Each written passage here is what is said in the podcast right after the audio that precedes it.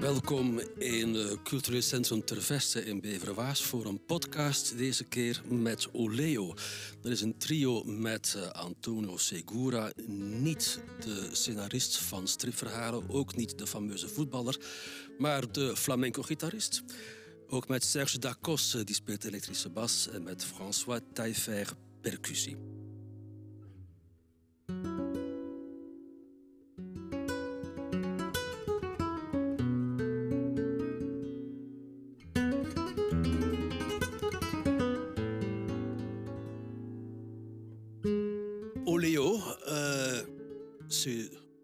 Margarine. C'est de la margarine? Ouais, ouais, ouais. Peinture à l'huile. Euh, aussi la huile sacrée dans l'église catholique. Et euh, un morceau de saxophoniste Sonny Rollins. Alors, euh, quelle des quatre descriptions vous préférez? C'est tout ça. C'est tout ça. C'est tout ça. On est un peu catholique. On aime bien le jazz. François fait un peu de peinture. Ouais. Ah oui, ça Ouais, des petits travaux là. Et euh, non, euh, on, a, on a choisi. euh, Enfin, on, a, on, a, on a réfléchi à un nom qui pourrait éventuellement représenter notre musique. Et le nom qui représentait notre musique et qui sonne un peu espagnol. Vous savez, en espagnol, quand on est content, on dit olé. Ah ouais, ouais. Ça, vous avez oublié. hein. Et donc, on dit olé, olé. Eh oui, bien sûr, ouais. Et donc, on s'est dit olé, oh. Et donc, euh, voilà, je trouve que ça avait une espèce de consonance espagnole qui était, qui était sympathique, facile à retenir aussi. Vrai. Finalement, on peut dire ça dans toutes les langues. Mais ce n'était pas, c'était pas la raison principale. La raison principale aussi, c'est que euh, ça traduit un petit peu no- notre, euh, notre, notre, euh, notre parcours à chacun, finalement. On a chacun des parcours musicaux différents. Et, euh, et finalement, c'est un mélange de, de, ces, de ces différentes textures musicales qu'on a, un peu comme si on était sur un tableau. thank you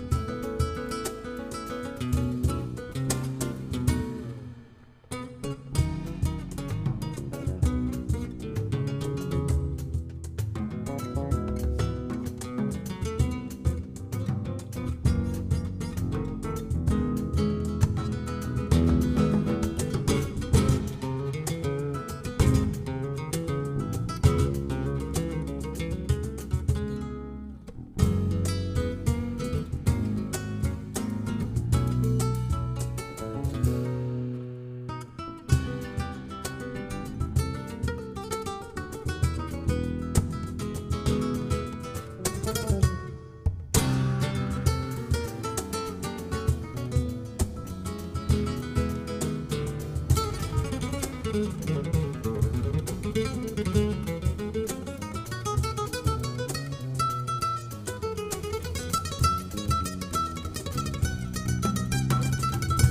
jouez un répertoire de flamenco contemporain, euh, inventif et métissé, j'ai vu sur le website. Euh, mais qu'est-ce que les puristes en pensent? Le flamenco a beaucoup évolué, évidemment. Bon, il y a, bon, là, il y a des, des puristes, ça existe dans tous les styles de musique. Je sais. Et donc, euh, Je ne les aime pas tellement. Ben, voilà. Après, nous, euh, dans le milieu flamenco, on a appris à les respecter. Parce que ces puristes, en règle générale, ce sont, euh, je dirais, entre guillemets, hein, c'est pas péjoratif ce que je dis, mais c'est les anciens, c'est les vieux. C'est-à-dire, c'est ceux qui sont de la génération encore avant moi.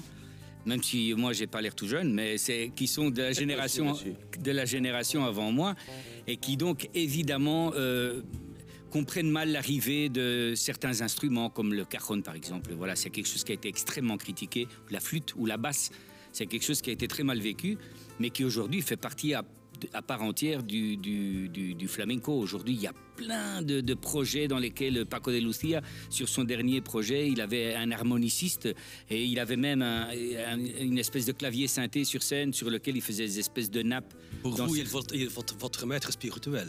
Oui, ben, oui, c'est mon maître spirituel, bien sûr. Ça, c'est sans, con- sans contexte. C'est, euh, moi, je suis, euh, je me sens extrêmement chanceux d'avoir pu euh, vivre à la même période de Paco de Lucia et d'av- d'avoir pu manger à la même table que lui et d'avoir pu le rencontrer et discuter avec lui. C'était une personnalité extrêmement humble et qui, qui, qui, est- qui était un génie de la musique. Aussi simple que ça. Voilà. Et donc, il, a, il a tellement apporté au flamenco il a complètement révolutionné. D'ailleurs, aujourd'hui, son empreinte est tellement forte que, toute la nouvelle génération de guitaristes euh, est encore sous cette empreinte de Paco de Lucia.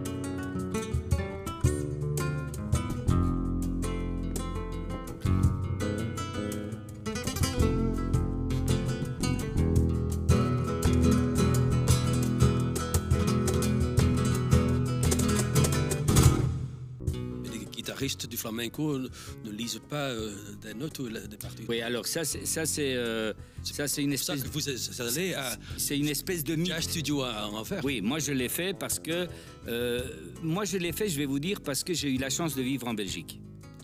Et que si j'avais été en Espagne, les mentalités étaient différentes. Quand moi j'avais euh, 20, 25 ans et que j'ai décidé à 25 ans de rentrer à l'école à nouveau pour aller étudier, c'est parce que j'ai eu la chance de rencontrer des artistes, des musiciens avec lesquels je jouais ici, qui étaient des musiciens qui étaient dans le milieu du jazz. J'ai- J'avais un quartet avec François Garny et avec Nono Garcia qui vivait ici à l'époque, Ouais. qui étaient des, des- des musiciens qui faisaient, euh, voilà, François Garny était un, un bassiste de jazz, jazz, il fait du rock aussi. Nono Garcia, lui, c'était un guitariste flamenco mais plus jazz.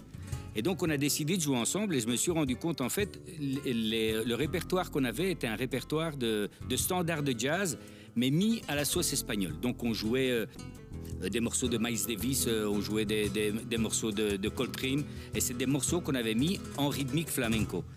Et en fait, euh, ben, les deux autres musiciens arrivaient à improviser dessus et où, ils arrivaient à communiquer euh, par rapport à l'harmonie, par rapport à des accords. Et moi, j'avais l'impression de venir de Mars.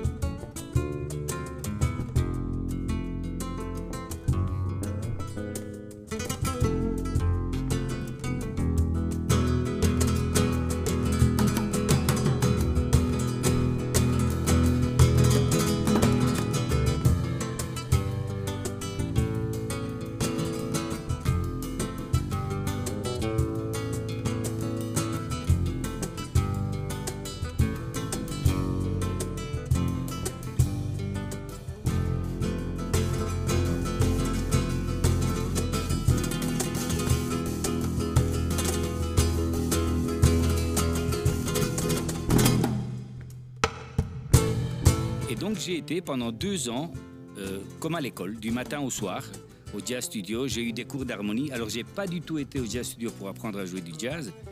J'ai été en fait pour comprendre ce que je faisais. Ouais. Voilà. Et ça, pour moi, c'était la chose la plus importante. Et c'est ce qui m'a permis aujourd'hui de pouvoir communiquer avec Serge quand je joue avec lui, ou avec un pianiste, ou avec François sur certaines choses rythmiques. Alors, je ne vais pas du tout me présenter comme un musicien connaissant le jazz ou avoir une grande connaissance de jazz ou de l'harmonie, mais suffisamment que pour pouvoir communiquer.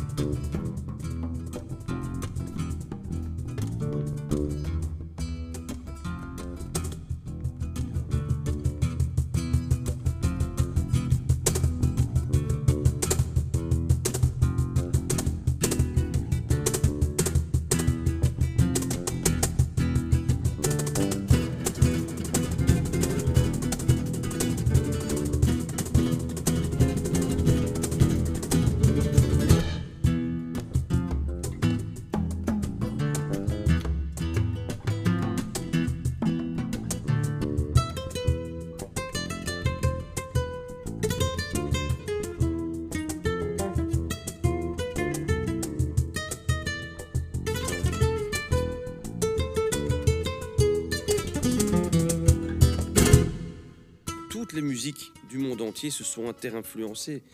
On ne, on ne peut évoluer dans la vie qu'en s'influençant par rapport à son environnement, par rapport aux autres. La musique, c'est pareil. Donc ici, pour aussi paraphraser, paraphraser pardon, ce que vous disiez par rapport aux puristes, c'est que le flamenco, il est pas né tout seul. Je veux dire, c'est interinfluencé de plein d'autres choses. Et la musique n'est que influence.